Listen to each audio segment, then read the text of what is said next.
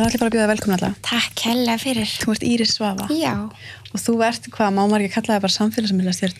ég veit það nú ekki, ekki alveg kannski, en ég veit það ekki. Já, þú ert alltaf duglega að, sko, þú ert duglega að posta á samfélagsmiðla. Já, ég er það. Ég man ekki hvernig ég byrjaði en ætla ég hafi ekki verið gegnum Ernulandi eitthvað sem ég fann þig Já, já, já, og þar sem þú varst að tala svona mikið um líkamsýmynd og, og svoleiðis. akkurat. Hvenar þú veist byrjaru að svona opna þig á, bara, eða þú veist tala um þetta ofnbörlega? Já, sko, ég var að mynda að hugsa þetta. Ég held sko að það hafi bara verið í fyrra þar sem ég hafi postað eitthvað svona í þessari átt. En ég, þú veist, ferðalegi mitt er miklu lengra. Já, já, já. Þú veist, ég held að ég hafi sjálf byrjað að vinna í þessu og kynst ég á hvað líkamsýmynd hvað 2018-2017. Já, ok, það er svona langt sér. Já, já. þá svona fyrst var ég að stíga með fyrstu skref og mér fannst ég aldrei tilbúin bara fyrir en í fyrra að fara eitthvað svona að gefa af mér og, og deila með mér. Mhm, Þegar maður er kannski sjálfur búin að vinna smá í sér og... Nákvæmlega, þú veist, mér fannst ég ekki á þeim staði ég geti eitthvað verið að hjálpa öðrum að því ég var sjálf bara í svo, bara, ég var bara brotin, þú veist, bara alveg. Hvað, 2017, þá, þá ertu hvað gömul? Mm, hvað er ég gömul núna? Ég er 27, þá er ég, hvað 20, ég er svo liðleg, Það eru, hvað, mörg ár síðan? 18, 19, 20, 21, Fjör ár síðan. fjör ár, Já. Hvað er ég 24? Já. Já. Þannig að þú ert, ertu í menn? Nei, þú ert í háskóla Ég þá? er háskólan þá, já. Já, ok. En var þetta þá búið að vera eitthvað sem þú varst búin að vera að pæla í áður? Sko, þetta var eitthvað sem var bara búið að heldtæka líf mitt. Þú veist, varðandi, varðandi sjálfsmynd og sjálfströst og svo kynnist ég þessu bara fyrst á Instagram. Þetta var samt svona smá þessum tíma, þú veist, þá voru svona plussast fyrirsætur að þú veist, koma fram á yfirborðið og svona orðið svona vitundavakningi í samfélaginu. En ég einhvern veginn fannst smá erfitt að spekla mig í þeim, að þú veist, það er svona þessi staðla fyrirsæta, þessi í, í hérna, plussast fyrirsæta, þú veist, með þetta stundaglas og alveg sletta maga og svona, Eða já, þú veist, allavega svona, svona Þá kannski já, líka. en núna er þetta orðið miklu, miklu svona, já, já. Veist, og um eitthvað sem við þurfum á að halda þannig að þú veist, þarna þarna kynnist ég uh, fer ég veist, að skoða Instagram og fer svona meira veist, að sjá fleiri posta og konur sem ég fer að fylgja og ég sá um eitt fyrst skipti konu veist, sem var ekki með sletta maður í bikini og það varð bara eitthvað svona wow, ef hún getur þetta, akkur get ég þetta ekki? Mhm. og þú veist, þetta var ekki eitthvað sem að gerðist á einni nótti, ég sá tvo posta og ég var bara that bitch, þurfti alveg, ég þurfti alveg að vinna mm fárunlega í þessu. Og og ég held líka mitt að því að ég umvið mig bara svona jákvæðum að- aðgöngum, allt sem er verið að stuðla, þú veist, svona sjálfs, hvað sem að self-growth, þú veist, allt svona tengt því að, að þú ert nóg sama í hvernig stærð þú ert í eða sama hvernig líkamöðin er. Mhm. Svona- Það er með svona áhugavert þetta að maður er, eins og segir, þetta er ekkert bara ein, tveir póstar þá er maður einhvern veginn þarna en það er samt líka einhvern veginn þó að maður horfir á einhver aðra og segir bara já auðvitað þú bara að gera nákvæmlega svo veilt en þá er svo erfitt einhvern veginn að að taka það inn sjálfur Algjörlega, að tilenga sér þetta, Já. algjörlega. en maður er veginn alltaf rúting bara fyrir alla aðra Nákvæmlega. Og það er nefnilega málið. Og ég held sko, þú veist, ég var svona að hugsa, þú veist, eh, að því ég fengi þessa spurninga á þér, þú veist, að það, þú veist, ég er búin að egna svo margar yndislega vinkonur á Instagram sem eru bara vinkonum minni í dag, sem eru búin að, þú veist, tala við mig og kannski fá hjálp og eitthvað svona.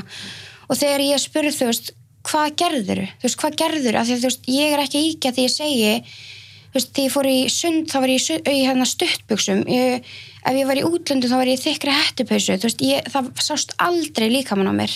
Og ég trúði bara heitt og innilega að ég væri bara ljót og líkaminn væri bara ógíslegur. Þú veist, á þessum tíma, þú veist, á þessum úlingsárum þá fór maður, þú veist, að leita kannski svolítið í stráka, þú veist, ég er gagkineið og ég fór að hitta stráka og það var svona staðfestingi mín, ég leitaði, þú veist, í smá svona um eitt, bara svona svona quick fix, þú veist, og mér leiði umhverfið eftir það, skilur að þetta var ekkert það var ekki að koma frá mér. Og þá fór ég svona að hugsa, þú veist, að ég held að mikið af óryggi kvenna liggi í samaburði, þú veist, af því að við erum alltaf þú veist, ég er alltaf að hugsa, ok, hvað hefur hún sem að ég hef ekki? Og þannig erum við alltaf, við erum alltaf að miða okkur við hver aðra. Og þannig ég fór í rosalega vinnu gagvar þessu og þetta er held ég það sem að hefur hjálpað mig hvað mest. Uh, svona fyrst ég var að byrja að þá fór ég með svona að reyna að skoða rót vandan, þú veist, hvað er það sem að þú Íris, finnst þú ekki vera hvað er það, þú veist, þú ert, hvað er það sem þið finnst ekki vera nóg hjá þér? Og, og þegar ég var að stiga með fyrstu skref þá, þú veist, eins og ef ég sá bara eitthvað konu sem að mér fannst sjúklega falleg að þá það komið sem minni mátt að kenda þetta óryggi og þú veist, hún er eitthvað sem ég hef ekki að það alltaf komið með tv- tvo jákvæða punkta um mig. Aldrei að kostna hennar eða aldrei tengt henni bara eitthvað jákvæða orð, bara jafnvel þú veist, þú ert góð vinkona eða þú ert góð dóttir, þú veist, bara eitthvað jákvætt bara svona til að endur fór hausinn á mér. Og ég gerði þetta alltaf, þú veist, ef ég sá bara eitthvað konu, bara vá, ok, Íris, þú ert líka bara drullu dugleg og bara eitthvað svona eitthvað jákvætt sem er svona sem að þetta snýst svolítið bara um að endur fór þetta hausinn á sér. Og í dag þegar ég fæ þess að minnumáttakendi, ég sé eitthvað konu sem að mér finnst uh, eitthvað svona, já, bara ég líti upp til að það ummitt nota þessum innblástur. Ég bara svona, ok, hvað hefur hún sem að mér finnst ég skorta og mm. líti svolítið inn á við? Og þú veist, í dag er það þú veist, ég ætla ekki að segja að það gerist aldrei en ég frekar þú veist, ég veit svo mikið að ég er nóg. Þú veist, að ég þarf ekki að horfa á aðra konu og hugsa ok, hún er miklu flottar en ég. Og það er svo óraunæft eins og bara með líkams bara líkama, skilur að ég sé að horfa á okkur konu sem 1,80 kannski grannvaksinn, hefur alltaf verið grannvaksinn og hvað ætla ég að, hérna, 1,60 hæð að fara eitthvað meða með hana og ætla að fá alveg smaga á hún eða eitthvað mm þetta, þetta, er svo, þetta er svo óraunhæft og Svo svona- já, unnveitt, af hverju vill maður alltaf vera með, er þetta ekki líka bara að forrið í mann að maður á að vera með slétta maga og Jú. það er flott að vera svona og flott að vera þannig akkurat. en svo eru margir sem vilja meina að maður allir fæðist eins Mhm. og svo verða aðrir feitir og aðrir verða grannir Nákvæmlega. En er það samt ekki líka gena, þú veist, maður er bara gena algjörlega byggður öðruvísi Algjörlega. Og ég mitt, þú veist, var að hugsa þetta, þú veist, og við, mamma vorum að ræða þetta mitt. Ég hef alltaf verið, þú veist, svona þykk í mér, þú veist, bara síðan ég var lítið bann.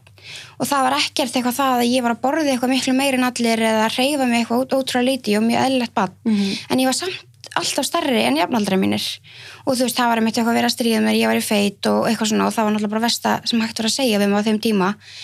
En þú veist, eins og við sjáum bara, við horfum á lítil börn í dag, þú veist, þú sérð alveg mun á börnum bara varðandi líkansbygging og þygt og við erum með mismunandi, þú veist, bara beinagrind, hvernig, þú veist, hversu stór við erum, hversu þung við erum, þú veist, og það er eitthvað sem að, sem er svo galið að við ætlum bara að steipa alla í sama form, það er bara allir, eiga bara allir að vera, þú veist, í ykkur, ykkur BMI stuðli, grannvaksið, sem er kannski ekki bara mjög óraunhæft, þú veist. það var líka, það var einhver sem byrti einhverja, einhverja eða hvort það var grein eða eitthvað einhver skrifa þú veist, að maður verður að passa að vera ekki með neina kviðfiti út þegar það er svo hættulegt. Já, já, og, og, og ég fór eitthvað svona græsalt fyrir bara svona, hvað meinar með, þú veist, hvað, hversu mikla ég meina er ekki allir með einhverja kviðfiti? Og það átti að vera einhver kviðfiti sem sést í gegnum peysur. Já, ok, og þannig ætti maður að mæla það. Og þetta er eitthvað sem var kent í sko skólanum. Já. en þá fer maður bara að hugsa veist, þetta er ennþá, þetta var bara fyrra eða eitthvað.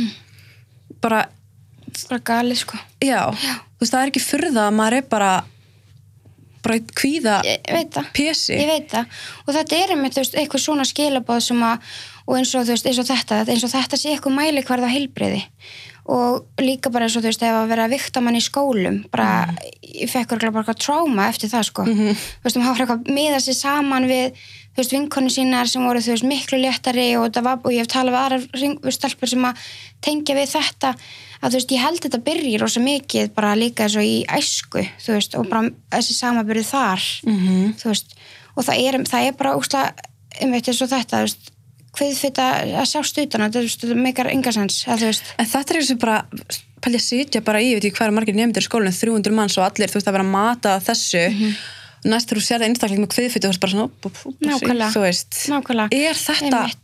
Þetta er skadalegra en þessi kviðfyta sem á að vera svona skadaleg. 100%, 100% og það er eitthvað sem að sem að fólk virðist einhvern veginn ekki fatta sig á og þetta er oft sagðust eins og líka varandi bara svona um, veist, ég fengi skilaboð af umhyggjusemi bara eitthvað svona veist, ég, er bara að segja þér að það væri kannski gott fyrir það að léttast upp á heilbrigði og, og svo líði betur og eitthvað svona en það er miklu skadilegra þegar þú, veist, með, með þessum skilabóðum ertu að segja mér líka minn sé of mikið eða sé ekki nóg.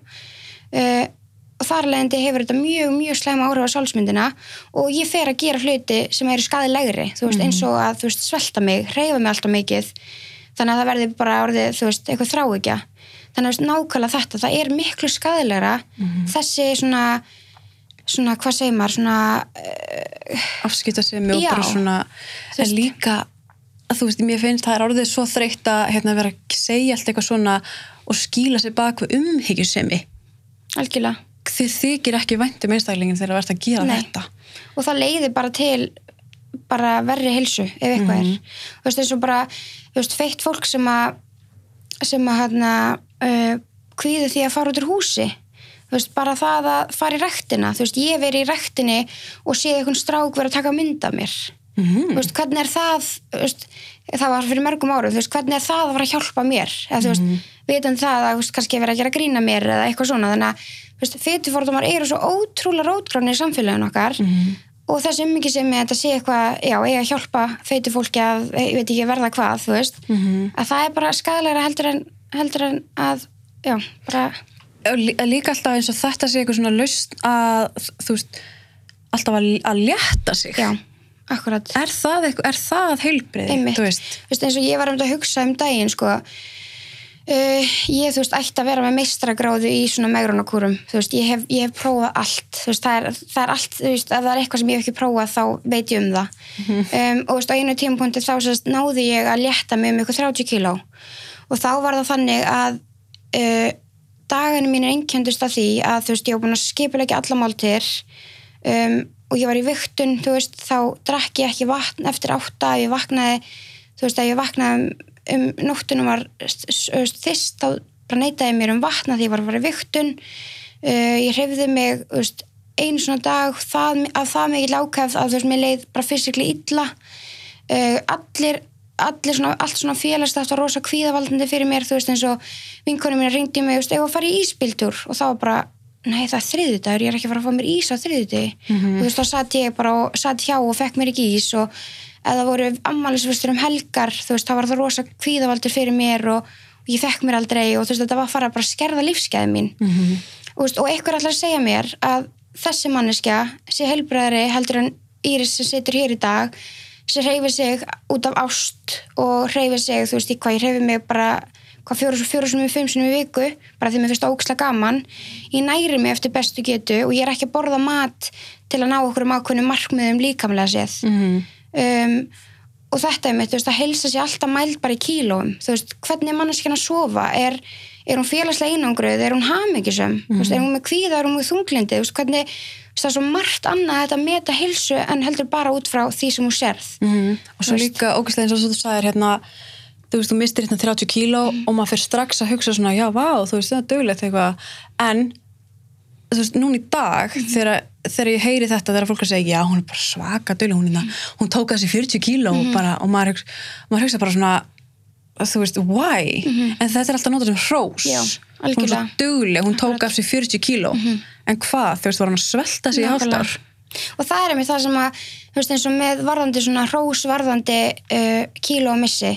Veist, ég ætla samt ekki eins og, eins og það, þú veist, að ef við erum með manneski sem er, þú veist, kannski mjög þunglind og kvíðin og hún finnur ástri í reyfingu og fyrir að næra sig betur og líka með þar alveg aðlaga sig og létti sig, þú veist þá er það bara til góðs, þú veist þingdatap er aldrei slemt nema þessi gert á þeim forsöndum að þú ert um þetta að refsa þér, þú ert að gera þetta á vittlisum fórsöndum af því þú elska þig ekki. Og ég trúði þessu heitt að veist, ég geti hatað mig í líkamann sem ég myndi elska. Þú veist að að að ég var alltaf og ég manum þetta eftir þú veist að þegar ég misti þessi kíló og ég stið á mynda mér sem ég sá bara um daginn ég man ég horfði í speilin og ég hugsaði með mér vá hvað þú ert bara þú er feit, þú veist, þú þarft að gera eitthvað meira. Og þannig var ég búin að missa, þú veist, um 30-40 kíló en það var samt ekki nóg. Mhm. þú veist, og líkam sem ég myndi mig þá var svo slæm, ég sá ekkert ég sá ekkert fallegt við mig Þannig að þú klætti þig, varst að klæði þig, þú veist, passa að þú var að hilja allt. Já, alveg og... 100% sko. Samt var ég að fá fullt, fullt á rósum en þú veist, mér leið ó, ótrúlega illa, þú veist, mér leið ótrúlega illa og ég var bara svona þú veist, ég var bara svona í vítaring veist, og svo mitt, það sem ég hef gert líka, veist, hefur gert oft fyrir mig að ég hef mistið eitthvað svona kíló, veist, tekið eitthvað svona rosa serpiða sem ég er ógæslega dugleg og ég er að hreyfa mig og ég er að banna mér allt og þú veist, tek ykkur lögadag að missi mig þar, held áfram á sunnudegi, fyrir niður á mánudegi, held aftur áfram. Og þetta er bara, þe- þetta er bara þessi, þessi hérna vítaringur.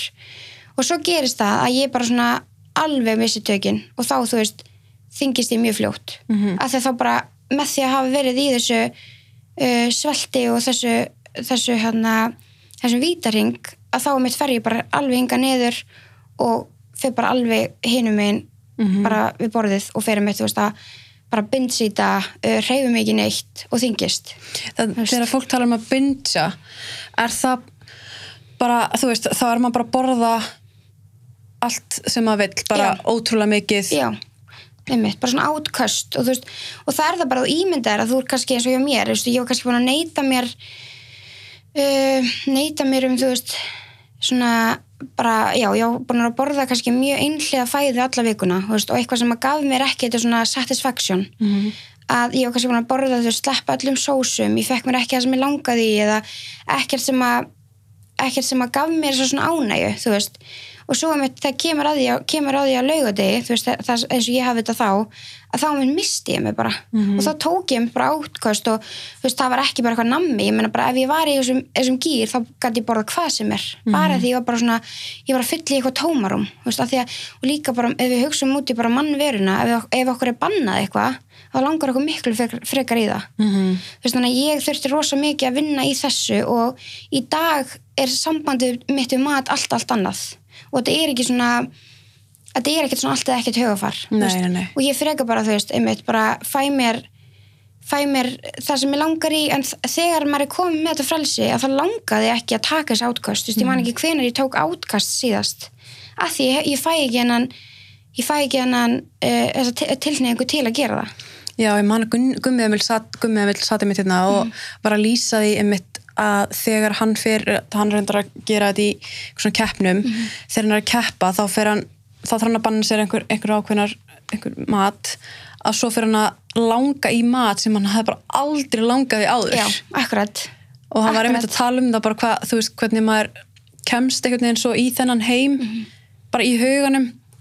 Og svo margir er einmitt að glíma við þetta þú veist, bara í svona, eins og segja, svona jójó dieting að þú fer bara að kreyfa mat sem þið bara Já. það langaði ekkert í. Og ég, var, ég fekk mér stundum eitthvað kombo sem að ég myndi ekki segja manneski frá sko, bara því ég var bara í einhverju svona ham.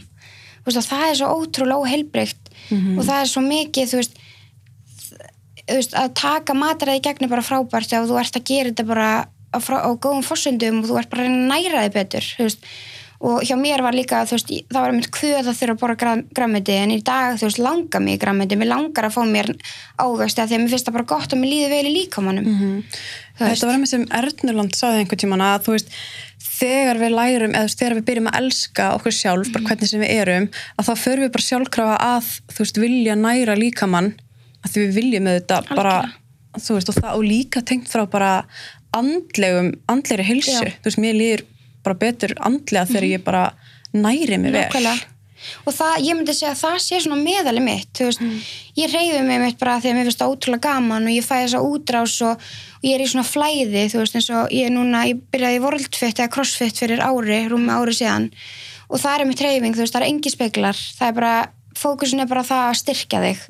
Og þú veist, og hjá mér þá er maður oft svo meðveitar á líkamann sinn en þarna það er einhvern veginn svona finnst mér stundu fara út í líkamannum og ég er bara í flæði. Ég meina alveg sama hvernig líkaminn minn lítur út og það er einhvern veginn allir bara að gera sitt og, og og þetta með að finna einhverja hreyfingu sem að gefi þér þetta, þessa lífsgleði og gefi þér þannan kraft finnst mér að vera leikillin veist, og líka um eitt um, maður er verið með teirt þessi rauk þú veist að jáka líka sem minn sem farin í öfgar.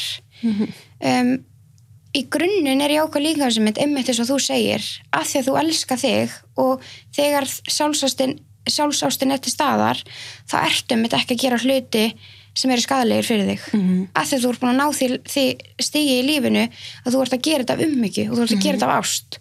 Og því ég hugsa tilbaka, ég skrifaði eins og bref til líkama minns um það sem að ég hef látið hann gangi í gegnum og ég grét og ég grét og ég grét bara fyrir gefðu, fyrir allt sem að ég hef látið gangi í gegnum á kostnað þess að já, kostnað bara þess að verða grönni eða, veist, og ég held að það var alltaf svarið Mhm. sem er bara mjög óraunhæft fyrir líkamsgerðina mína Mhm.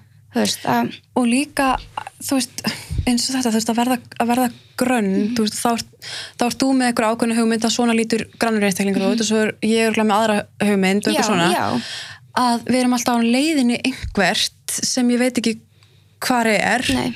En við erum bara einhvern veginn að reyna að fara einhvern sem örugglega aldrei skila manni neittni hamingju. Nákvæmlega. Og það, er, það varð fyrir mér svona svona ljósapæri moment, þú veist, þegar ég horfði í speilin og ég var hana, Íris, þú ert komin á þann stað sem þú ert búin að vera að óska og dreyma um hvað nú? Og þá, þú veist, horfði ég á mig og ég bara að segja, þetta er, ég þarf að laga þetta, ég, þetta, er, þetta er á stórt eða ég þarf að, veist, það er einmitt að þú veist, það, það er aldrei neitt nóg. Og það, þegar þú kemst á en endast að, að þá er bara eitthvað annað sem kemur í staðin og það er eitthvað annað sem það langar að breyta og, og þú veist, til lengri tíma litið þá er þetta mjög, mjög skadalegt fyrir okkur að vera alltaf í ykkur svona eldingaleik við eitthvað, þú veist. Að því í hvaða veröld myndi ef þú væri alltaf að rífa niður eitthvað einstakling og segja hann væri feitur eða ömulegur eða þú veist þetta er ógslegt hvenar myndi sá einstaklingu bara rífa sér í gang og fara bara út í daginn. Einmitt. hann myndi freka bara vera inni hjá sér og láta engan sjá Nákvæmlega. bara þetta leið, leiði til einangrunar.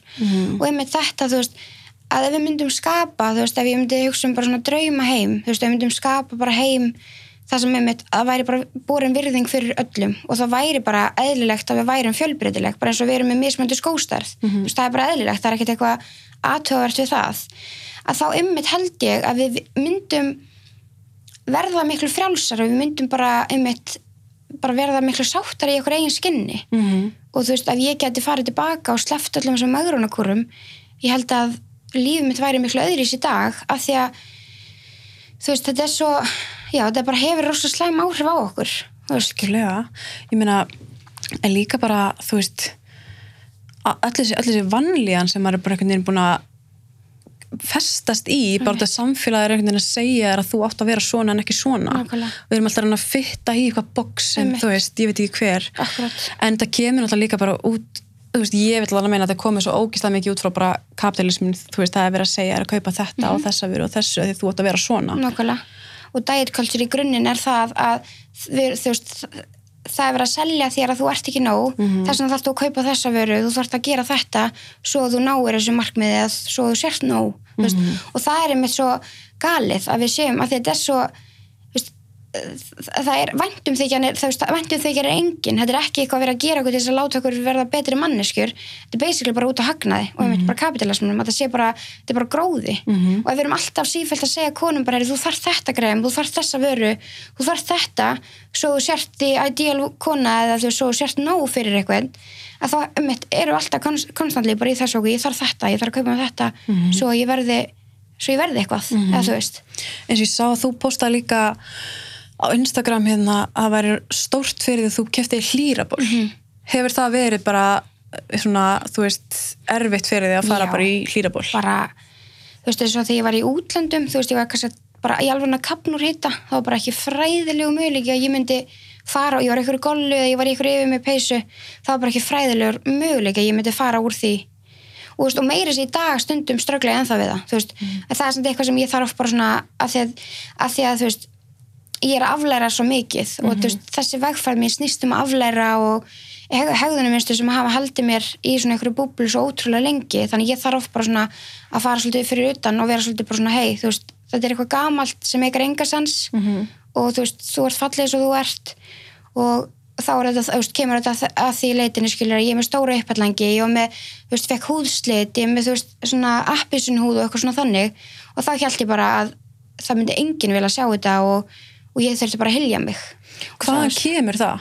bara, það er held ég bara út af bara feitufordumum í samfélaginu. Þú veist ég hugsa alltaf með mig ég er aldrei að fara að sína líka með minn að ég er ekki að fara að valda einhverjum öðrum bara hérna viðurstegð að við því að horfa á mig og það var alltaf hugsunum mín veist ég ætla bara að helja mig og ég ætla ekki að setja fólki í þá stöðu að þurfa að horfa á mig veist. Svo, því ég bara segi þetta upp á þetta er þetta bara styrlin sko. En í dag veist finn ég þetta frelsi bara veist ég skulda engum neitt. Veist ég skulda engum neitt að fitta í ykkur box eða eða þú veist að já, að vera bara eitthvað önnur en ég er. Mm veist, og þá, einmitt fór ég bara svo hugsa þú veist, fuck it, ég má alveg vera bara í um mitt hlýrabóla ég vil eða þú veist, upp á um buksum og bara hvað sem er þú veist, mér finnst líka svo góð punktur að þú, þú postaðir einhvern tímann, þú veist að þú hefðir einhvern tímann alltaf verið að einhvern tímann keiftir, þú veist, föt sem þú ætlaðir að passa í já, einhvern tímann. já, vá, markmiða flíkur Já, er það bara eitthvað þeng? já, þetta var, þetta var sko Vist, ég, fó, ég tók oft svona rúnt bara á þar sem ég bara pantaði með flíkur í kannski tveimur minni stærðum sem svona markmiðadæmi. Og svo þú veist var ég kannski í ykkur rosa, rosa hana uh, kúr eða megurinn og, veist, yfir, yfir eitthvað ákveð tímabil þá var ég alltaf, veist, prófa að fara í þér aftur fara í þér aftur. Og þú veist, svo kannski endanum eftir einhvern tíma sem ég var bara búin að vera í ykkur bara víta ring, að þá passa ég þar.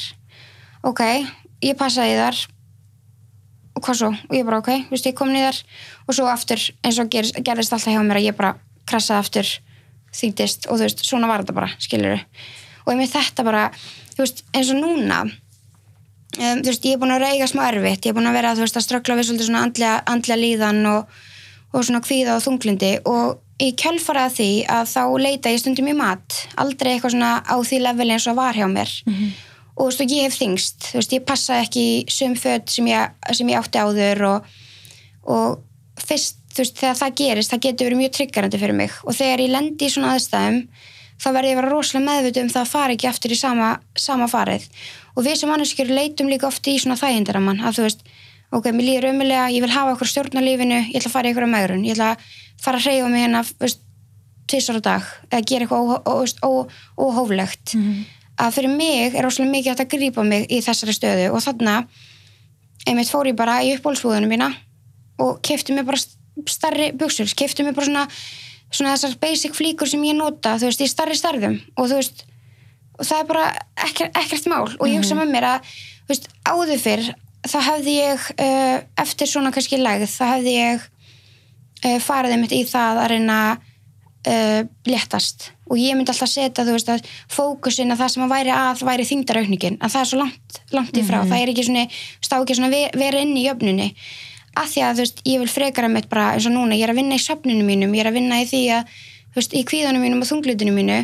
Og þegar það er komið í jafnvægi að þá annarkvort mér líka mann aðlaðast eða ekki. Mhm. og það er bara þessi svona bara svona þessi svona bara að leifa líkamannum bara að sjá um sig sjálfur ef að þú ert að gera, gera þitt besta þú veist að næra þig og þú ert að ræ, sofa vel og hreyfa þig út frá sjálfsást að þú veist það á að skipta allir málu og hitt er aukaðri fyrir mig allavega. Og þetta meika svo mikið sens líka því að eins og segir að líka minn aðlagast bara eftir ég lífi vel að það, það er bara, og, veist, og þegar ég átti að má að veist, ég þarf ekki alltaf að vera í sömu þyngdi eða slíta alveg svo út eða vera í miklu vöðumassa alltaf veist, bara lífið er bara upp og niður og það er svo mm. ódreiknilegt og það er svo mikið í gangi. Að ætlast til þess að við ætlum bara að vera í ykkur sama fari alltaf, þú veist. Það er, mér finnst það allavega mjög óraunhaft fyrir mig, þú veist. Og, hver, og þá gerir maður kannski bara aldrei neitt því að maður er alltaf að býða eftir að komast þessar buksu til þess að Já. fara í eitthvað tilöfni nákvæmlega. Það bara að missa af öllu þanga til. Sko ég var einmitt bara um daginn að hugsa að ég fór svona að hugsa þú veist ég, ég er 27 ára gömul núna ég hef ekki látið draumana mína rætast að því að ég let líka með minn halda svo lengi aftur á mér. Og þú veist og þegar eins og við vorum í, útskast úr MS þú veist þá voru mjög margir hérna samnumyndu mínir að fara í svona reysur eða fara eitthvað í eitthvað svona, eitthvað svona flip og gaman að það kvartla ekki svona að mér. Þú veist, ég hugsa með mér, ég er aldrei að fara út lítandi svona út. Þú veist, að ég get aldrei farið út og noti mín að því að þú veist, ég get ekki farið fyrir en ég verð grönn og það var alltaf hugsunum mín. Þegar, okay, þegar ég næð þessu að þá get ég gert þetta. Veist, og þetta var bara konstantli og þetta, þarna, þú veist, 2018 þá vakna ég bara svona, ég bara, Íris, hvað ætlar að vera lengi þessum gýr, ætlar bara að vakna þú veist, 50 og vera bara búin að setja allt lífið til hold að því að þú ert að leitast eftir einhverju drauma þyngd eða drauma útliti veist, og þá fyrst fór ég bara svolítið svona challenge að mig bara, þú veist, lífið er bara núna, ætlar þú að njóta þess eða bara, bara missa af því. Mm þú veist, og ég er kannski að gera hluti sem að mér hefði langað að gera bara fyrir fimm árum, en er ekki að gera það fyrir en að ég er núna bara loksins búin að ná þessari sátt, þú veist, að ég er bara veist, ég er bara meira en nóg. Og, veist, og get notið lífsins þó að ég sé ekki stifti sama mót og einhver ideal eitthvað, veist, Nákvæmlega. Ég sá með þú postaðir hérna myndum að er geggið myndum í hérna kúlunni. já, já, já, Hérna, já. Var það, það var bara með fyrstu myndum sem þú postaðir á svona nærfötunum. Já, algjörlega. Það var hjút skref, veist, og má, ég er bara svona elska allt svona valdablandi dæmi, þú veist, og uh, um eitt svona myndatökur, þú veist, eins og fyrir mig, þú veist, ég hérna, ég hugsa með mér að það hefur svona hjálpað mig hvað mest og ég hef svona séð líka minn í öðru ljósi og fyrir mér er það rosalega valdablanda því ég, þú veist, ég bara forðaðist myndatökur og svo heitan eld og eitthvað tekið mynda mér það bæði mannskjörnum að eyðinni. Eða þú veist, eða vildi alltaf ekki sjá hana. Þannig að þú veist, þetta er mitt fyrir mér að fara svona út fyrir það endur að mannum, að vera á nærfötunum bara og bara vera að elska mig og bara, já, veist, það er, það er ógislega góð tilfinning og ég óskaði svo mikið að alla konur getur upplifað þetta. Mhm. þú veist, þetta er þetta er bara þetta sjálfshatur og þetta niðrif ég óska engum að lifa svona. Út af þetta er svo mikill þetta er svo mikil óþarfi þessi mesti óþarfi sem við sem, bara sem samfélag hefum búið til sko. út af fyrst er ég þetta er náttúrulega bara sjúka myndir þú veist þegar þú horfir á þessar myndir þegar þú postaðir henni fannst þér hún þér fannst hún flott já, já. já. og þú veist, og ég mitt var að hugsa þú veist, uh, áður fyrir veist, ég held bara meira þess að fyrir kannski svona tveimur árum, að þá því ég var að posta myndum og þá þú veist, ef það sást kannski ekki magana mér þá kroppaði hana eða fannst, veist, ég fannst ég eitthvað of stóra þá kroppaði hana, þú veist, ég var alltaf að passa þú veist, ég var alltaf að passa, að ég liti vel út og ég var alltaf svona, þú veist, ég var ekki að nota aldrei eitthvað svona facetune app eða eitthvað þannig en ég, þú veist, ég reyndi að gera hana þannig að það sem minnst hversu feit ég væri eða þú veist, hversu eitthvað, þú veist, að ég var alltaf að passa, passa það og og, og ég myndi núna, þú veist, áttam á því að ég posta mér svo ótrúlega svona raw, þú veist, ég bara, þetta er bara, hrá- þetta er bara rámynd, kannski með bara einhverju litabreitingum um, og, og þú veist, og ég er svo sátt með það, þú veist, og ég var til dæmis, ég postaði mynd, þú veist, með húslitunum mínum á maganum, sem bara, mitt, bara hefur verið mitt mesta svona óöryggi og þú veist, það að mitt geta bara verið það sáttur í sín eigin skinni að og þú veist og það er svolítið það sem ég hef verið að vinna með þú veist að veist, ég var líka svolítið mikið svona fyrst þú veist, að, veist varandi svona viðurkenningu annara að ég var, leitaði mjög oft í viðurkenningu eins og ég sagði þú veist áðan hjá kallmönnum eða hjá þú veist, í samfélagsmiðlum eða í rósum og eitthvað þannig að þú veist, allt sem ég posta, allt sem ég geri ég er fyrst og fremst mjög ána með það og það er náttúrulega frábært að ég geti hjálpað einhverjum öðrum í leiðinni og fengi rós það er náttúrulega bara besta sem ég, veist, ég hef grátið við skilabóðum sem ég fengi bara frá konum sem ég hef hjálpað. Mhm. en í grunninn á þetta mitt að vera bara þú ert ána með þessa mynd veist, alveg sama hvað, fólk, hvað fólki finnst Mhm. þú veist, það er með þetta er fólk, fólk sem hún er bara að posta þessu fyrir þú veist, hvað vantar hann í óörugg. það þarf ekkert alltaf að vera málið. Þú veist, þú postar náttúrulega bara myndum sem þú ert ánað með. Nákvæmlega og það er svo mikill, og líka maður má alveg vera smá svona sjálfselskur og þú veist, ég elska mig bara það mikið að ég vil bara sína ykkur hvað ég lít vel út Nákvæmlega. Þú veist. Þú, þú, þú veist, það er það sem ég dyrka við þig, mitt. Þú er, þú er svo mikið búin að vera farin á þetta. Þetta er ekki aðteklisíki og þegar ég sé, þú veist, ég er í alveg talað, ég er svo, ég elska konur svo mikið að ég stundu þarf að halda aftur af mér að því mér langar bara að kommenta bara, þú veist, þú ert fallegasta mannski sem ég sé, bara því að, þú veist, að því að ef við spáum í því þegar við erum að taka myndir og þegar við erum að posta myndum í grunninn er þetta sjálfsást. Bara svona, þú varst að eiga moment með sjálfur þér sem þér fannst þú rosalega falleg og þér langar að deila með þessu og ég bara þetta er að fallegasta sem ég veit um ég þú veist. elska þegar stelpur gera þetta sko. Og, og svo líka, þú veist, ef einhver að kalla út aðteglisíki það er bara alltaf læfin aðteglisjúkur Já. og því þú átt bara, þú átt skilið aðtegli 100% og, en mér finnst bara líka alltaf þetta, ég man að ég fekk spurningu viðtali um daginn það að vera sérst, ekki gaggrinn að vera að spyrja mig hérna, hvort að mér finnist ég meiga tala um uh, líkams ímynd þegar ég er ekki feit. Já, og, þetta svona þú veist finnst þetta líka svo, mér finnst þetta svo smá hérna skrítin punktur því að þú veist ágætt að skipta máli einhvern veginn hvernig þú lítur út. Þú í fyrsta lagt alltaf að elska sjálfa þig. Svo máttu líka alveg standa uppi fyrir öðrum og, og benda á skilur, heyrðu, hvað erum við að gera hérna? Nákvæmlega. og þetta er svo góðu punktur af því að um, ímyndum okkur, feita manneskju sem þarf að upplifa fordóma auðvist, í samfélaginu bara varðandi bara samfélagi hvernig það er byggt upp bara varðandi fatastærðir, varðandi stóla varðandi þetta, allt þetta áreiti hefur mjög líjandi áhrif.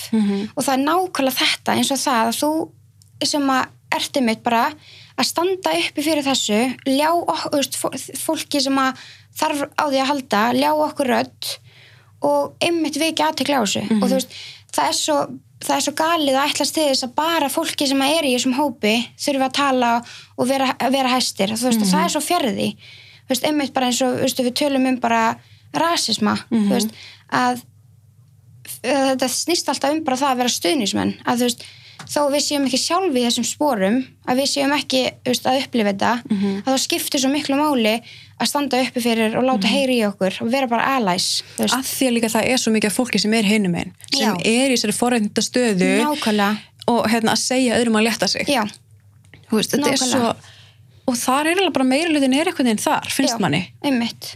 Eða þá fólk er bara ekki hávært einmitt. En það er bara Einmitt. mikilvægt, myndir ekki segja þú veist eins og fyrir bara, ég ég meina hún sagði þú veist að ástæðan hún er veginn uh, hún er svona samfélagslega samþygt Mhm. samþygtir stærð að allt sem hún postar fær hún bara, þú veist, já, bara til hamingju en svo þegar þú ert komin yfir eitthvað ákveðna stærð, Mhm. Já. Mhm. að þá ertu bara herðu, þú skalt bara taka þessa mynd niður, sko er, það er eitthvað svona mark, þú, það er eitthvað mörg sko. Mhm. þú ert komin yfir eitthvað þá ertu ekki orðin relevant eða þú, þú getur ekki verið að segja neitt um þetta Mhm. og, þú veist, það er einmitt svo ótrúlega galið að því að þú veist, í grunninn erum við að bera virðingu fyrir öllum og þeir allir rétt á því að elska sig og vera bara eins og þeir eru og mér finnst það líka svo með þú veist, body positivity umræðina fyrst var þetta búið sérst til á svörtum feitum konum. Og það er svo mikilvægt fyrir konur sem eru skil, ekki skilgrenda sem feitar að samfélaginu að vera ekki að taka pláss. Og, og ég reyni mitt besta að posta myndum af svörtum feitum konum uh, svörtum hinsegin konum konur sem, sem eru feitar sem að þurfa þetta pláss. Mm -hmm. það er, já og, einmitt, og inn í þessar umræði þá líka konur sem eru einmitt þessi yfir mörg þú veist, að þessi, þú, ert, þú mátt vera hingafeit og svo ertu bara orðin alltaf mikið -hmm. og þú veist, þá ertu bara farin að verða einmitt, þá er þetta bara fara að vera skadalegt fyrir þig og eins og við vitum það, þú veist, við hefum enga, enga veitnisku um, hold, eða, þú veist, getum ekki byggt heilbreið út frá holdafari þú veist, þannig að það er einmitt svo galið, það er einhvern veginn svona Já, veist. en svo eins og þú sagði ráðan, ég hef heyrt þetta áður þegar fólk segir hérna body positivity sem kom út í öfgar Mhm.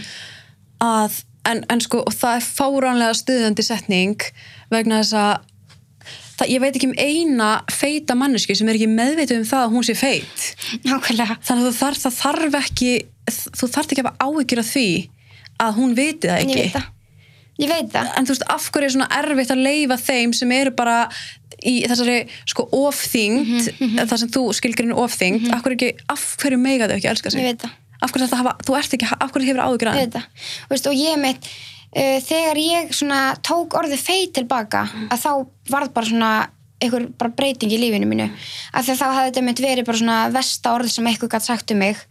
Og í dag þegar eitthvað segir við mig þú veist, eins og TikTok, guðum góður það er svo mikið á svona ungum krökkum sem er að koma með eitthvað svona komment og niður en dagtöðasamdir mm veist, ég eigði þessu öllu að því mér langar ekki að mér langar bara allt í kringum þessi jákvætt að þetta sé ekki eitthvað neikvætt og og hann að, þú veist, og með þetta bara eitthvað feit og þú veist, ég er ekkert eitthvað, ha, what? Ég vissi það ekki, veist, þetta er, þetta er svo galið, þú þarft ekki að segja manneskjörn, hún, hún, hún er svo full aware af manneskjörn sé feit. Og þú veist, og þegar ég tók þetta tilbaka, þegar ég segi feit núna, þá er það bara, veist, þetta er bara lýsingur orð, Já, skilur þau? þetta, ég heyri þetta oft hjá fólki að það, það hérna svona það svona heldur aftur að veit ég hvað að segja þegar alltaf sé feit en það heldur að sé móðgandi. Já, ég. En, en þetta er bara eins og segir, þetta er bara þú veist, sömur eru mjóir, sömur eru feitir og bæði er bara allt í lægi Já, ég veit ekki hversu oft ég hef sagt þetta og sérstaklega svona eldri kynslaðin þar sem ég eitthvað svona að lýsa mér eða eitthvað. Íris, þú ert, nei, veistu hvað, þú ert falleg. Já. ég, ég sagðist aldrei ekki ég, ha, ég sagðist aldrei ekki að vera falleg. Ég sagðist að vera feit þú veist, og þetta er einmitt það að þetta er orðið svo gildislæðið Mhm. að við þurfum einmitt að tala um þetta og nota þetta bara hlutlust og þetta, þetta er bara bókstala lýsingarorð sem er bara búið að gildislaða og þetta er orðið bara eitthvað Mhm. eins og þetta sé vest í heimi En, já, þetta er, með, þetta er svo góða punktur að, að þú veist, þetta orðið er orðið svo hérna þegar einhvern þurr segir, já ég er feit. Nei, þú ert falleg, já, um bara af hverju ekki saman sem er ekki þarna á milli? Og þetta er svona smá ástæðan okkur í einhvern tímann bendi á eitthvað svona grín hann hjá sveppa þar sem hann segir að má þessi feiti vera Mhm. Já, hér hann svo feitur guð minn eitthvað. að þú veist, á fyrsta lagi uh, þú veist, varum við náttúrulega ég veit alveg að sveppi tekur þessu ekki inn að Mm, nei, alltaf bla bla. Og ég var ekkert að vera að sveppa. En það er þetta sem er ennþá svo stuðandi að þú veist að við séum að nota þessa merkingu á neyðrandi hátt. Nákvæmlega. bara þetta, þú veist, þótt að fólk meinir örugglega vel með að segja, nei, þú ert ekkert feit. Nei, einmitt. mátt segja einhversu Já, feitur. Nákvæmlega, veist, og þetta, þú veist, eins og, eins og þetta, veist, að þetta er nota sem rosa neyðrandi og, og eins og hann að, ég átti einmitt samræði við vinkonu mína sem að, sem að þú veist, er grannvæksin og hún spurði mig mitt, þú veist, um, það var að vera að tala um svona thin privilege, þú veist, að, að hann að, að nota þetta orð ekki til að lýsa eitthvað neikvæði við þig. Og þú veist, og ég hef þú veist, svona, minn nánasti hópur notar þetta ekki orð yfir eitthvað, þú veist. Og þú veist, það er alltaf að tala um að þú hefur þingst þú veist, bara eitthvað, þú ert óröku í líkamannuðinum að þú passar ekki lengur í fötiðinni eða það líður bara illa í líkamannum en að nota orðið feitur og það er oft, þú veist, ó, ég er svo feit og ógísleg mm veist, og þetta er mitt. Og í dag, þú veist, ef eitthvað segir svona, segir svona fyrir fram á mig, þú veist, þá er ég bara svona eitthvað, þannig að þú ert að segja því finnst ég ógísleg, það er bara, nei, nei, nei, nei, nei, ég er bara að tala um mig en fyrir mig að heyra þetta er rosalega, rosalega særandi. Mhm. að þú veist að það sé eitthvað svona saman sem merkja með, þú veist, úr notar orðið ógisleg og svo feitur saman, saman þú veist, og það er svo það er svo skadalegt, þú veist. Og það kemur aftur að þessari sjálfsást sem við talum að við erum einhvern veginn horfum á alla aðra bara að þú ert ógislega flott en ég, ég Já. er svo feit og ljót Já, nákvæmlega, nákvæmlega.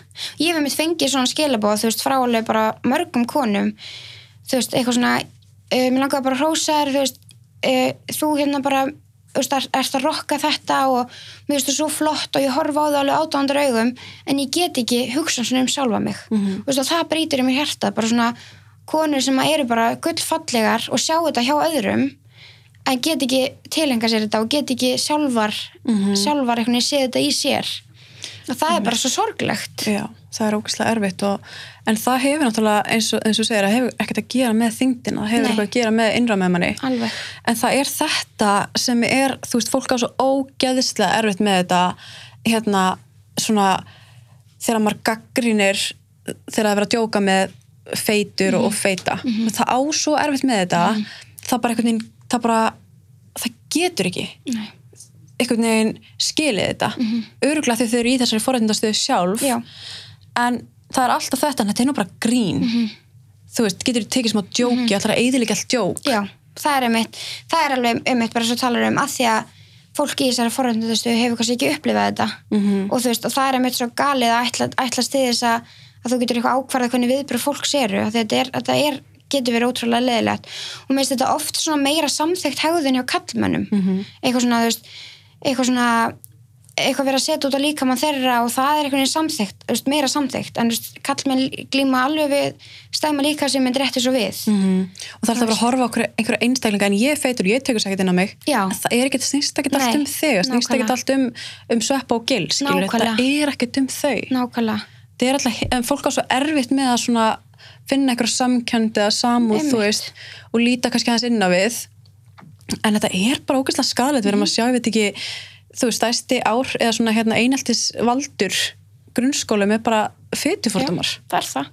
Og þegar börn er eitthvað smá öðru sig að þá bara að þá er mitt eru þau útsett fyrir því Mhm. og veist og ég mitt er svona aðspunar að hugsa um þetta, þú veist, ég og hérna frendur og frængu og og hérna og þú veist, og þau hafa mitt eitthvað slíti frendur með spurðu mig eitthvað Íris, hvað er til að þung? Þú veist, eitthvað svona, var, var, bara, bara forvitin og var eitthvað svona að tala um þessi orð. Og ég hugsaði með mér að það skiptir svo miklu máli að því að þú veist ég held að þetta byggist rosalega því hvernig okkur í hans æsku. Að þú veist, eins og ég hef heyrt sögur þar sem að veist, mamma er með barnið sitt í sundi og barnið segir eitthvað mamma, sérðu eitthvað konan er feit? Og það er strax þetta, "Sss, elska, ekki, það má ekki segja svona. Og það er okkur kent, þú veist, að þetta sé eitthvað skammar er þið, að þetta sé eitthvað sem við megum ekki tala um. En í staðan fyrir bara að svara barninu bara já við erum bara öll fjölbreytt við erum öll með fytu, mismikla og, og bara ljá þessu bara svolítið svona jákvæðum nótum að þetta, er, veist, þetta er ekkert og ég menna með þess að tölum við maðan konan er ekkert eitthvað, ha, hvað sagður þau? Ég, veist, ég vissi þetta ekki skilur þannig að, að við, einmitt, bara hvernig við tölum um þetta í daglegri Mhm. bara orðræðu, að það sé einmitt, það sé ekki eitthvað skammalegt eða eitthvað svona sem má ekki segja svona, Mhm. þú veist ég held að allir tengi við það held ég, allar stelpur allan að þú veist að maður hefur svona hugsað um bara svona ægi svo feit og ljóti mm -hmm. í þessu, þú veist, alltaf nota þetta í einhverju svona niðrandi Já, og, veist, og það er veist, eins og bara hérna að eiga slæma líkamsýmyndadag Mhm. og manni líður stundum um þegar svo maður sé bara, þú veist, manni líður bara ekki vel þú Mhm. veist, kannski einmitt er maður þú veist, oft tengist þetta hormónum og bara tíðarhing og manni líður stundum bara eitthvað svo starri en vanalega og fötin er eitthvað anstrengra á manni og það er alltaf lægi, þú veist, það er alltaf lægi að upplifa sig bara stundum ekki alveg Mhm. bara upp á sitt, besta en myndi að reyna að hugsa freka bara, þú veist, ég er að eiga slæma líkamsýmyndadag en ég myndi ekki að nota þetta sem eitthvað eitthvað svona, Mhm. eitthvað niðrandi þú veist, eða þú veist, já Mhm. algjörlega, ég, ég held meira þess að sko, ég hef einhvern veginn uh, verið báðu megin það sem ég hef verið svona, þú veist, verið bara vikta allt ofan í mig. Aðalega því ég var að keppa en svo festast svolítið í því, þú veist, að svona að, hérna, að þú fær svo ógeðslega mikið hrós bara út af það að vera einhvern veginn að þú bara, þú heldur einhvern veginn já ok, þetta, þú ert að vera svona einhvern veginn. Núna í dag, eh, þegar ég sé þú veist, í gegnum Instagram þegar ég sé, þú veist feitar konur og svo ótrúlega grannar konur sem eru bara að vikta allt onni í sig. Ég horfi miklu frekar hérna er óheilbreiðin sko. Að, Það, já. að vera að vikta allt ofan í sig en ég meina og það þarf ekkert að vera sumir höndla það alveg og, og líður vel en mér finnst þetta samt við erum alveg komin þar að við, þú veist, við vitum alveg Já. betur sko Akkurat. Og þetta er náttúrulega bara maugurinn og menningin upp á sitt besta og þetta eins og þú segir, þú veist, það er íþrætt fólk sem þarf kannski að passa upp á næringu og þú veist, og fyrir svona meðal mannin að þá finnst mér það mjög uh, ólíklegt að þú sérst að fara að endast að vikta allt ofan í allt þitt líf Mhm. Þú veist, og, og ég myndi hugsa, þú veist, að ég er ekki þeirri stöð að ég ætla að dæma eitthvað eða að hugsa að eitthvað manneska sé að gera eitthvað verra eða betra en ég eða eitthvað en Nei, þú veist, nei, ég allavega eins og ég sé þetta þá finnst mér þetta ekki vera heilbreykt til lengdar, eða þú veist, Nei. og þetta sé eitthvað sem hægt er að viðhalda eða en það er, hefur þetta líka bara allt með það að gera eins og þetta, þú veist, þegar maður er í einhverju, megrun eða hvort sem maður sé ekki megrun er að vikta það snýst allt um það, því líður eins og þú hafir stjórn Mhm. því líður eins og þú hafir stjórn og því líður vel í þessu að þú veist, ok, nú er ég með fulla stjórn en í rauninni ert ekki með neina Nei. Nákvæmlega. Og einmitt þegar ég fyrst fór að þarna, breyta hugsunum minni og ég fór þú veist að, að svona bæta þetta samband við mat að ég upplifði þetta stjórn leysi fyrst þegar ég fekk að borða hvað sem er.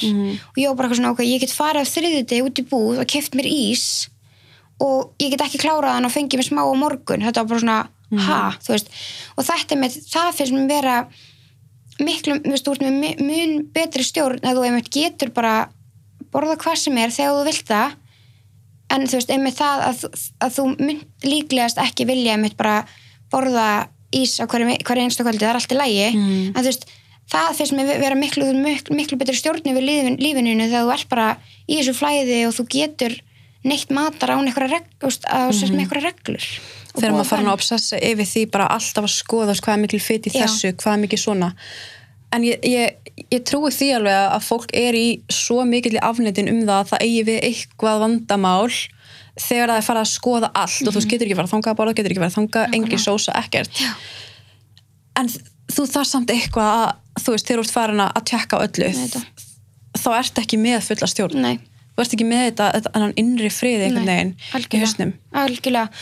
Og þetta held ég með þetta að þarna að við höldum um þetta við séum við stjórn þegar við erum með þessar reglur og öll þessu búabönn en einmitt þess að segir þú ert frekar bara, bara svona, hvað segir maður, kontróluð þú veist, þú er bara verið að stjórnast með þig frekar mm. -hmm. svona, þú veist, þess að ég sé þetta sko og bara skrifa mælir inn og kalvið Já. mælir inn og bara fer ekki úr rektinni fyrir en ég er búin að brenna þúsund af því borðaði þetta nákvæmlega, þú veist, og ég hugsa alveg um, þú veist, ég hef alveg fengið spurningar um, um, um svona þú veist hvað með, þú veist, þingdartap hvað með þegar fólk vil breyta lífinu sinu og þú veist, verða heilbreðari þú veist, það er ótrúlega jákvætt og frábært, þú veist, bara you go, þú veist, en einmitt þegar er farið að bara þegar þú ert komið þráhyggju og þessi bara fara bara svona konsjúma lífið þitt að þá finnst mér þetta orðið bara mjög óheilbrygt Mhm. þú veist að eins og ég man bara þú veist að lí, bara lífið fór á hliðina ef ég komst ekki að æfingu í daginn þú veist þegar ég var bara alltaf og, þú veist og ég var bara svona, mér leið bara sér þingstum 5 kíló bara því ég fór ekki að æfingu í, dag. Mhm. eða ef ég fekk mér eitthvað smá sem að ég mátti ekki fá mér. Að þú veist það er svo það er svo óheilbrygt en einmitt ef þú ert bara í ykkur flæði og þú hreyfið þig þegar þú vilt hreyfa þig út af því að þið finnst óksla gaman og svo er þetta veljaði mat sem þið finnst góður en er líka næringaríkur þú veist, það finnst mér vera bara bara lífið, þú veist. 100% ég held að ég allan að, þú veist, fyrir sjálf mig ég held ég hef aldrei átt neitt vond samband um mat eða ég myndi ekki, ekki segja þannig að við hamla mér en maður tengi samt alveg við margt af þessu þegar maður er að segja, þú veist þegar maður er að hugsa, já þú veist, ég er að fara hérna í matabóði kvöld best að ná einn æfingu. Já, vinna sér inn. Já, bara þetta, þú ert kannski ekki að segja að ég þarf að vinna mér inn fyrir þessar máltíð en basically er hausinn að segja. Það. já, og, og allt þetta hérna, eða þú veist, bara þessa litlu sem þarf ekkert að vera og sért með einhverja endilega þráhyggjur að sé eitthvað að, en bara þú veist að tjekka á þessu já. Tékka á já, þessu. algjörlega.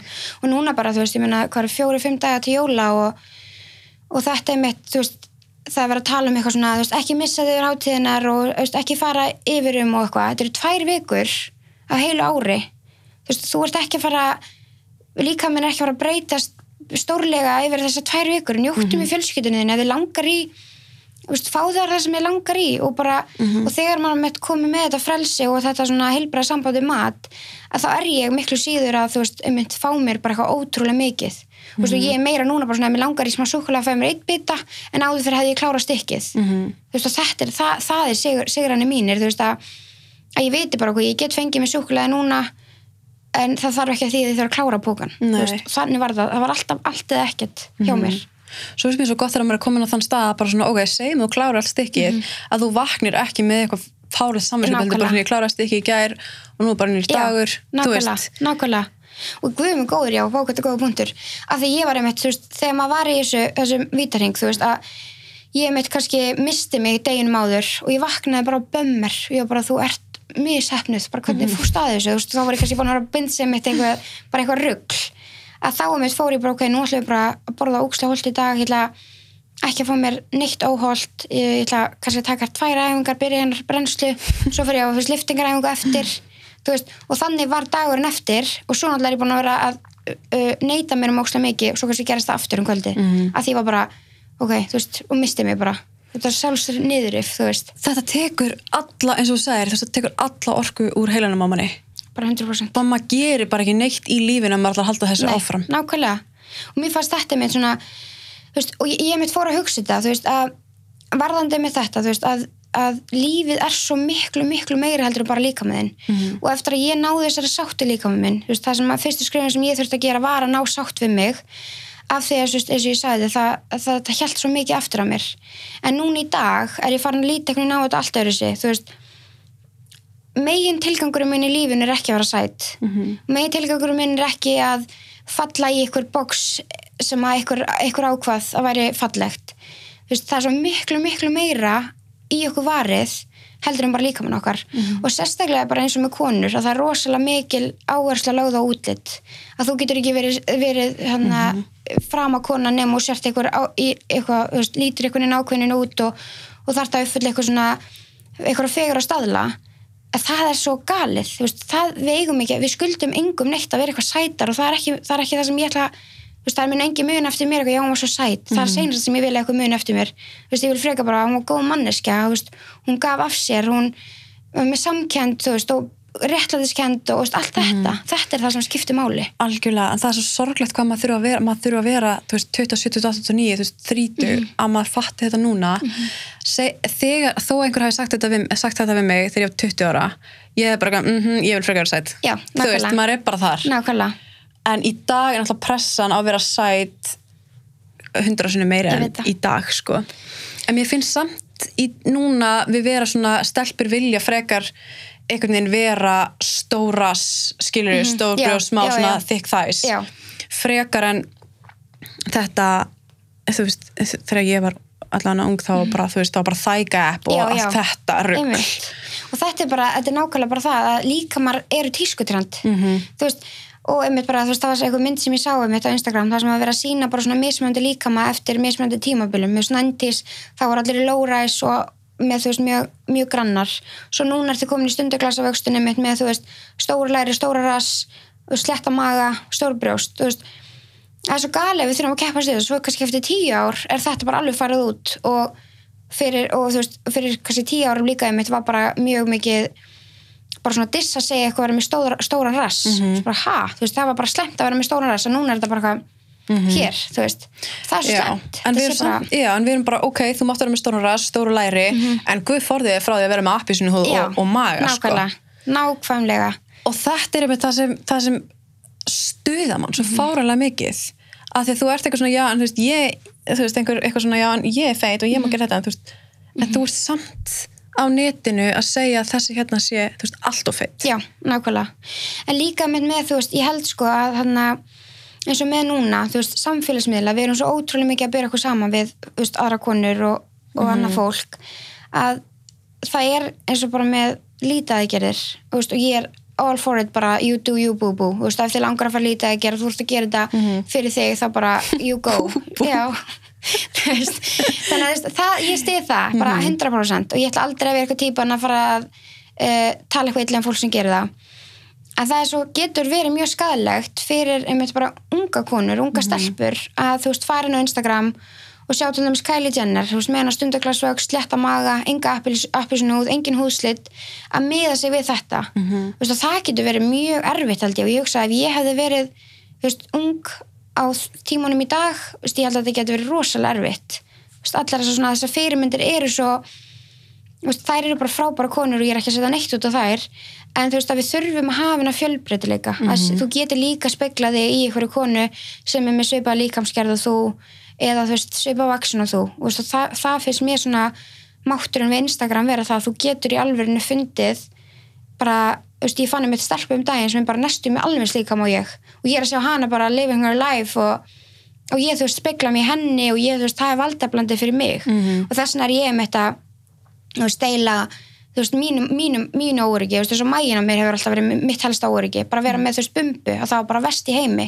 Og ég, þú veist, reyndi alltaf að fela það eða þú veist, eða í ykkur svona begi dæmi, þú veist, að við séum bara að, þú veist, við séum bara að endurspegla fjölbytturleika samfélagsins í fyrirmyndunum Mhm. þú veist, og ég held að sé ekkert meira bara, hvað segir maður heillandi og þú veist, sexy en bara að sjá konu sem er bara rocking it, skilur já, nákvæmlega sem bara þessi Einmitt. föt sem eru bara crop top og þú veist Já. að saman hvernig sem lítur út nákvæmlega, og þetta er einmitt svo fyndið þú veist örgulega svona að maður hugsa um svona þú veist, konuna sem maður lítur mest upp til að það er oft konuna sem eru með mesta sjálfströstið Mhm. og þú veist, konuna sem maður vita hvað virðið þær eru veist, og það finnst mér mjög fín lína á milli þess að vera, veist, orðið hrókafullur og að vera sjálfsörugur Mhm. að þú er mitt, og þaðan held ég komið þessu hjá mér að samanburðurinn er ekki lengur til staðar hjá mér þú veist, ég veit bara virðið mitt Mhm. en ég veit líka þú er geggjuð Mhm. og, veist, og við erum gjör ólíkar en við erum geggjar okkar einn hátt og það er mitt held ég sé svona þú veist, vita bara að þú getur labbað inn í herbyggi og þú ert nóg og þú ert fullkomna og þú ert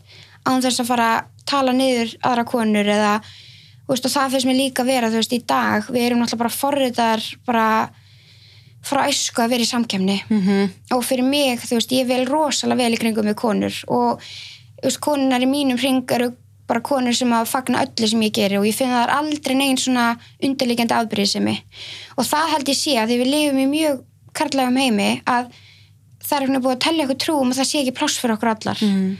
en ef við horfum á okkur grein sem kallar eru í þú veist, það er fullt af kallum þar og það er engin eitthvað svona, "Hó, þú veist, eitthvað að það sé ekki pláss fyrir þá alla. Þannig að þú veist, í dag erum við alltaf í þessari samkemni en þú veist, einmitt það að við stöndum saman þú veist, bara, konur eru konum bestar Mhm. þú veist, að við erum bara rooting for each other þá munum við, þú veist, okkur við erum allar okkar tímalinu og það sem er ætla þér verður þér og veist, það sem er ætla mér verður mér þú veist, verður fyrir mig. Þannig að, veist, að við séum ekki alltaf í þessari konstant samkemni það er myndið svo, hérna get ég að rensa einhvern tímann að það er alltaf, bara, er alltaf eins og sé bara eitt pláss fyrir eina konu, þú veist, á borðinu. Já. bara fullt af köllum, en það er bara ein kona. Einmitt og bara ef það kemur ný kona þá þarf hinn að fara. Nákvæmlega, nákvæmlega. Og hvað, hvað skilabóð við að gefa fólki? Og ég fór um þetta að hugsa þetta þú veist, einhvern tíma var ég með eitthvað svona tilvista kreppiðan um daginn, þú veist að að ég fór eitthvað að hugsa, þú veist, af hverju er ég að posta eitthvað, jákvæða líka sem minn, það eru fullt af fólki að gera þetta og, og þú veist, það er kannski bara ekkert pláss fyrir okkur allar. Og þá er ég bara svona, veist, það meikar enga sanns það er reynslan þín og það sem þú hefur upp á að bjóða er bara magic, er bara, er bara galdur, skilur þetta er bara þú veist, það er, það er þitt svona, svona þitt umf fattar Mhm. veist, það er engin sem hefur það sem þú hefur og það er engin sem að- hefur það sem ég hef. Mhm. við áttum okkur á því, en samt er pláss fyrir okkur allar. Þetta er góða punktur, ég held að margar konur streglu við það að hugsa þú veist, að það er engin sem hefur eitthvað sem þú hefur, þú veist, að við hugsum alltaf bara svona já, en hún hefur nú alveg það sem ég hef. Já, Eða, þú hún er miklu betur en ég, ég ætla bara að Já. láta- leyfa henni að sjá um þetta. Einmitt sem er svo fjarrri raunveruleikunum já, þú veist að þú veist að við erum svo einstakar og það er ofurkrafturinn okkar skilur, það er engin eins og þú og það er svo geggjað, þú veist, það er engin sem að sem að hugsa eins og þú eða ert eins og þú eða veist þannig að það, að það að við séum bara að veist það er rými fyrir alla og við séum bara veist og í dag ég veit ekki um neitt meira svona inspiring dæmi því sé konur vera að fylgja draumunum sinum Mhm. þú veist og það er ekki ein, einn þráður í mér sem er eitthvað svona þú veist, eitthvað afbrýðsemi eða þú veist, eitthvað svona að því ég bara þetta er svo mikill innblástur bara svona, ok, ef hún getur þetta, þá get ég þetta.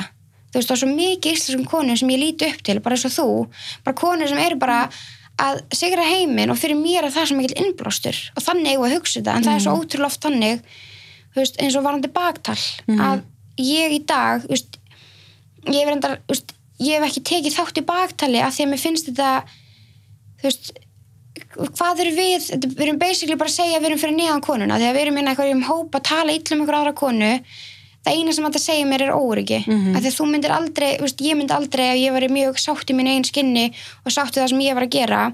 Ég myndi ekki hafa þörf á því að fara að baktala einhver aðra konu. Veist, þannig að og ég reynir mitt allra besta að taka ekki þátt í neinu svona, þú veist, að það er eitthvað svona omgat, veistu hvað hún gerði? Og náttúrulega Ísland er pingulítið samfélag og alls konar sögur fara á stað og, veist, og ég bara svona veist, ég fæ enga svona e- ekki svona þrill eitthvað, hún maður veistu hvað svona, Nei, og það nei. er svo margir sem að lifa fyrir þetta, bara svona eitthvað svona og, og- Grípa það bara strax. já, grípa eitthvað mistök mm annara eða þú veist, eitthvað, þú veist, og það er bara svo sorglegt og það er sorglegt sko Mhm. en það er líka bara, þú veist, ég held að þetta sé þetta er svo ógeðslega algengt, en ég sá einhvern tímann kvóta að hafa sagt hérna, þú veist, þeir sem eru að gera meira en þú munu aldrei þú veist, eru aldrei að fara að tala illu þig. Nákvæmlega, það er bara þeir sem eru, sem eru að gera eitthvað minna en þú eða þú veist. Því, það er bara bókstala þannig. Mhm. það er með þetta, þú veist þegar eitthvað er að tala illa um þig eitthvað þannig, þú veist, þú getur sagt þér að það manneskjarnan er fyrir neðan þig. Mhm. Þú veist, og í þannig mómentum þú veist, ég eins og fólk sem er svona að koma með eitthvað svona niðrandi aðtöðsamdur um mig þú veist, það er aldrei neyn reyði það er aldrei neitt eitthvað svona ó, þú veist, hvað er að þessari manneskja eitthvað, ég hugsa alltaf bara vá hvað ég óska þessar manneskja finni fyrir þið bara svona, sendi bara svona eitthvað heilunar orku til hennar, þú veist, að þú eitthvað, eitthvað þörf fyrir það að fara að segja eitthvað ljótt um mig og minn líkama eða eitthvað sem ég er að standa fyrir og ég menn allt ruggli sem þú hefur fengið á þig bara, þetta er svo, þetta er svo galið. Það er svo ótrúlega merkilegt, maður læri svo ógstlega mikið á þessu og svona lesa fólk vegna þess að fólk fer alltaf eftir þú veist, útliti eða eitthvað sem þú veist að særi manneskuna, að við sjáum það bara þegar fólk er að tala um jákvæð líkasemdi eða fólk sem er feitt, það fær skilabum að það sé ógeðslega feitt og ljótt. Uh, fólk sem er að tala um þú veist, ég veit það ekki þú veist, eins og helsta sem ég tala um, þú veist, ef ég er þólendur ofbeldis fólk yfirleitt kommentar ekkert ljótt um mig hvernig ég líti út eða neitt, en það fer eftir þú veist, það, það pikkar rasisma og hérna vona að mér sé nöðgað þannig að þú veist, það tekur bara það velur bara þú veist, ef ég opinbera það, já, mér var nöðgað ok, hann erum við með eitthvað sem stingur. Nákvæmlega, þú veist, þetta er bara, nákvæmlega. Þetta er svo þetta, ég veit, einmitt, einmitt. Og fyrir maður fær bara svona illt í hjarta að þessi fólk sem að raun, í raun bara getur sagt þetta En og, það, það er örgulega sko ef ég hefði verið eitthvað, ef ég hefði verið ógeðslega bara, ég veit það ekki ég veit ekki hvað maður að segja, bara eitthvað, þú veist, ef það verið eitthvað annað þá hefði bara notað það, það er bara að nota einmitt, eitthvað. Nákvæmlega, það er bara pikkað eitthvað og nota gegnum manneskjunni, þú veist, Mhm. eitthvað sem að oftast einmitt eitthvað sem að þú veist að er óryggi eða eitthvað sem Já. hefur gerst fyrir manneskjuna. Algjörlega, veist, og sko. það er óslega sorglegt að þú ert einmitt að fara í það dýpsta Mhm. og þú veist, eitthvað sem he- hefur mikil áhrif á manneskjuna. Vilt bara þakka nýri mannskunni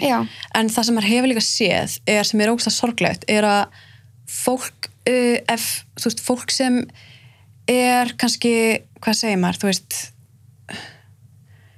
fólk sem er ógeðslega fallegt Mhm. það fær meiri virðingu frá fólki heldur en fólk sem er ekki jafn fallegt að mati þeir sem er Já. er að kommenta bara 100% og, veist, og þá fór ég svona þú veist fólk, ef fólk er þú veist, segjum, ef fólk er í einhverjum veist, ef það er feitt Mhm. og ef það er kannski ómyndalegt samkvæmt bara samfélagslegum stöðlum Mhm. þá er svo mikla líkur á að þessi manneskja þú veist, fái svo ógeðslegt veit það. miða við kannski stelpur svo þig, þú veist, ljósar, þú veist, sæt, þú veist, á samfélagsmiðlum eins eins og þú sést bara full of confidence já, alltaf. Já, já, þú veist, að það er svona þú ert ekki, maður ímynda sér þú veist, ferðu, þú fer vantilega ekki neinn komment um að þú sért ljót þú veist, nei, en ég fæ alltaf þetta, þú veist, ef fólk er að reyna að komast undir skinnið, þú veist, þá er það að nota þetta að ég sé feitt Mhm. en þetta er samt svo ótrúlega góða punktur hjá þér af því að um, uh, ég, ég skilgreini mig þessi feita og ég er feit kona en ég er á sama tíma samfélagslega samþygt, samþygt feit þú veist. Um, hvar feitan leggst á fólk segir óslega mikið. Og þú veist kannski með tvær manneskjur sem eru jafnþungar með þú veist jafn mikla feita á sér en það leggst allt, allt öðru sá þær. Mhm. um, og það er einmitt svo sorglegt þú veist, ég var einmitt bara að sjá bara post í dag að þetta stundaglasa, stundaglasa veist, feitt fólk fær miklu meiri viðkynning og það er miklu meira að hlusta á það. Og veist, og ég hugsa alveg oft svona þú veist, ef að ég væri ekki samfélagslega samþygt feitkona hvernig, hvort það væri ein, eins mikið hlustað á mig og hvort mér, væ- það væri borin eins mikið virðing fyrir mér. Og þá finnst mér um, að þú veist, að ymmit við, veist, fólk sem er í forrendastöðu alveg sama hvaða forrendastöða það er að vera meðvita um það. Og þess vegna er ég veist, að reyna og ég, þú veist, mér langar að vera duglegri í einmitt að að tala meira um þessa fytuforduma að þú veist, og við erum að tala um bara það er oft bara ekki, bara virðing, bara basic virðing, er bara ekki borin fyrir fólki sem er ekki, sem er ekki samfélagslega samþygt bara, og, og fólk sko ég fekk skilabóðum daginn sem ég deildi reyndar á Twitter en það, það var hann sem saði strákur sem sendi mér þetta við erum algjörlega heyrim endanum með jafnrætti kynjana og hann stiður ekkert sem ég er að segja að gera. En hann sagði, en virðingu færði því þú ert sætt og ég ekkert út á útlit til þessi og ég hugsaði bara, þú veist, þú veist ég, og svo sagði hann bara eitthvað keep up the good work. Og ég var bara eitthvað svona einmitt. held, þú veist, hvað fór ekki um hausnar þegar þú skrifaði þetta? þetta hrós? Eða, þú veist, og þetta er samt svo ótrúlega oft svona að það er ekki lusta á fólk nema að sé mitt falli ykkur, ykkur svona, undir ykkur svona fegurastala Mhm. og sem er ákslega sorglega þa þar fór ég líka svona að hugsa veist, ég fór um þetta að hugsa bara að veist, varandi það að, að skulda engum neitt veist, að við skuldum engum að vera sætar og, og, og ég meina þetta er fullt af fallegu fólki, fallegu innrætti fólki sem er kannski ekki að fara að vinna ykkur að fegurarsamkjöfnir en sem er bara ótrúlega fallegt að innan og verður bara veist, fallegasta fólki heimi út af því hvernig sáliðin og personleikiðin er. Og, og þetta er eitthvað sem að ég þarf, þurfti kannski bara að skoða að þú veist, konur sem að eru álitna fallegar er að hlusta miklu frekar á þar Mhm. og fólk sem að heldur en fólk sem að kannski veist, ég meina, fegur þér bara afstæð og það er bara, þú veist, mismöndi hvað fólki finnst en varandi svona þessa típisku staðla skilur það er alltaf svona, einmitt tísku svona tísku falleg, já, já, akkurat. Svona í dagstu falleg og svona og Já, svo, nákvæmlega. Svo það er sorglegt, það er ótrúlega sorglegt og mér finnst þetta oftar vera með konur. Það, veist, eiginlega bara alltaf, skilur við erum alls konar kallar í valdastöðu sem að er ekkert fallegastu í heimi en það er engin eitthvað svona, hann þyrfti nú að leta sig eða gera, gera meira fyrir sitt það er ekki sem meira til, þú veist, það er engin sem spáir í því. Nei, og ef einhver setur út á sko, kallmann, að þá er það bara fórsið fyrir alls það sko. þannig að þetta er ógíslega þetta er svo brenglað hvernig við erum. En ert þú, þú veist, langar þig að fara eitthvað meira út í þetta, þú veist, að Já. hjálpa? 100% og þú veist, ég er eitthvað svona þú veist, ég ætla bara alveg hinskilin ég er rosalega svona hörð við sjálfa mig. Mhm. og ég veit ég get miklu meira heldur en það sem ég er að gera. Og þú veist, og ég hann þú veist, ég er með alls konar skoðanir og eitthvað sem ég kannski er ekkert andlar að deila með fólki. Og þú veist, einmitt varandi jafnrætti kynjana, þú veist, ég er í kynjafræði í háskólanum og þú veist, ég er mjög mikill feministi og ég bara er, já, þú veist, og þetta er eitthvað sem ég deila ekki mikið með og með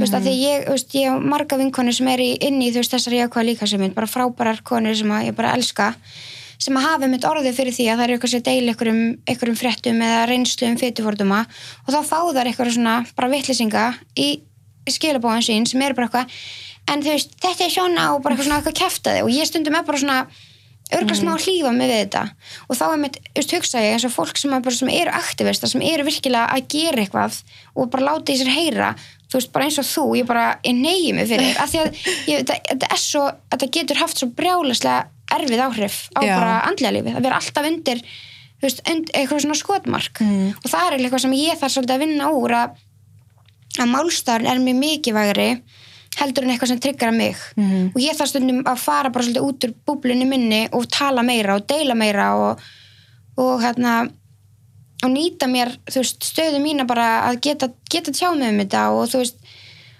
og það er eitthvað sem að já, sem að ég svona, langar að, að gera meira af, þú veist og þarf að gera meira af, ég sá að þú ert með svona highlights á Instagram þar sem þú deilir alls konar þú Já. veist, um mitt og svo ógeðslega hérna bara þú veist það er svo margir sem tengja við allt þetta eins og bara þetta með að þú veist að einhverjum svo sigrar að þú getur farið í þessa buksur eða þess, þennan ból sem svona þú veist ég hefði aldrei að þetta er ekki reynslu heimurinn minn þannig ég var svona, er þetta bara þetta er eitthvað sem fólk bara að því svo er ekkert allir sem horfa á einstaklinga, þú veist, ég hefði aldrei hort á því bara, og pælt eitthvað í Nei, nei, ná, höndunum, en þetta er bara eitthvað svona innra með manni. Akkurat, og þetta er einmitt sem ég held að sko því að reynslu heimur þinn er allt öðru sinn minn. Mhm. Já. þess vegna er svo gott líka bara að fræða sig bara aðeins. 100% allt þetta fólk sem finnur sér knúið á netinu til þess að segja svona já en við þurfum nú samt að passa það veist eitthvað heilbreiði þú veist ætlum að hvetja undir þú veist. Hlustaði bara fólk sem er að tala. nákvæmlega. og þetta er samt einmitt svo góða punktur að þú veist að þannig að þú veist, ég hef einmitt líka fengið skilabóð þú tala um þetta, þú veist, að reynslega með þinn er svo allt öðru seldur en minn og ég hef einmitt fengið skilabóð frá, þú veist, fólki sem ég hef þekkt mjög lengi sem er bara eitthvað svona, ég hafði enga hugmynd. Þú veist, ég hafði enga hugmynd að þú var að díla við þetta. Þú veist, ég hef alltaf segið bara sem einhverja bara sjálfsöruga, bara stelpu. Ég hef ekki hugmynd um að vera að díla við þetta. Og það er með þetta, þú veist, fólk sem að gefa sér tíma í að hlusta og, og heyra hliðar veist, heyra frá hliðum annara á lífinu. Og það er svo mikið þetta því að veist, þegar við setjum okkur í spór annar og við hlustum okkur annað og sínum samgjönd, þú veist, ég held að heiminu getur svo miklu betri ef við myndum bara aðeins veist, fara, hugsa aðeins út fyrir okkar bara kassa, eða þú veist. Algjörlega sko.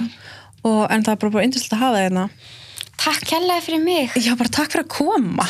Indislegt bara vonandi nýtur dagsins. Já, sömulegis og gleðileg jólættan gleðileg jól